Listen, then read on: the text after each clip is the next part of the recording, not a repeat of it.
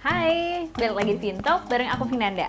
Kali ini aku mau kalian milih nih, kalian tuh tim yang mana sih? Reksadana atau saham? Nah, tapi sebelum kalian pilih, jangan lupa subscribe dulu channel kita.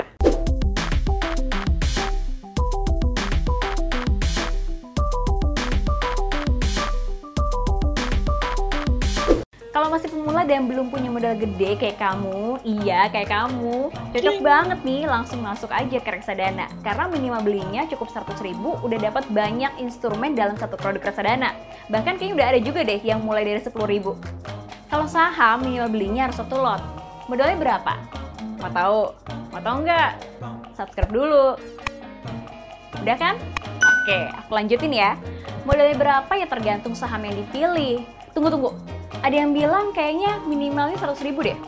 Itu depositnya, bukan modal yang harus dikeluarin. Tapi kalau saham, keuntungannya lebih gede loh. Returnnya aja bisa sampai 20-30% per tahun, atau bahkan per bulan. Kalau reksadana, ya tentu nggak akan bisa bikin kamu kaya. Tapi memang reksadana ini cenderung lebih stabil, meskipun returnnya di bawah saham. Buat kamu yang pengen santai-santai tapi uang nambah, reksadana cocok banget nih. Jangan ambil pusing, karena nggak butuh skill khusus kok buat investasinya. Kalau saham ya harus banyak belajar, ngerti soal fundamental, analisis teknikal. Kalau mau trading, ya harus mantengin harganya. Jangan cuma bisa ngertiin aku aja. Jadi, kalian tim yang mana nih?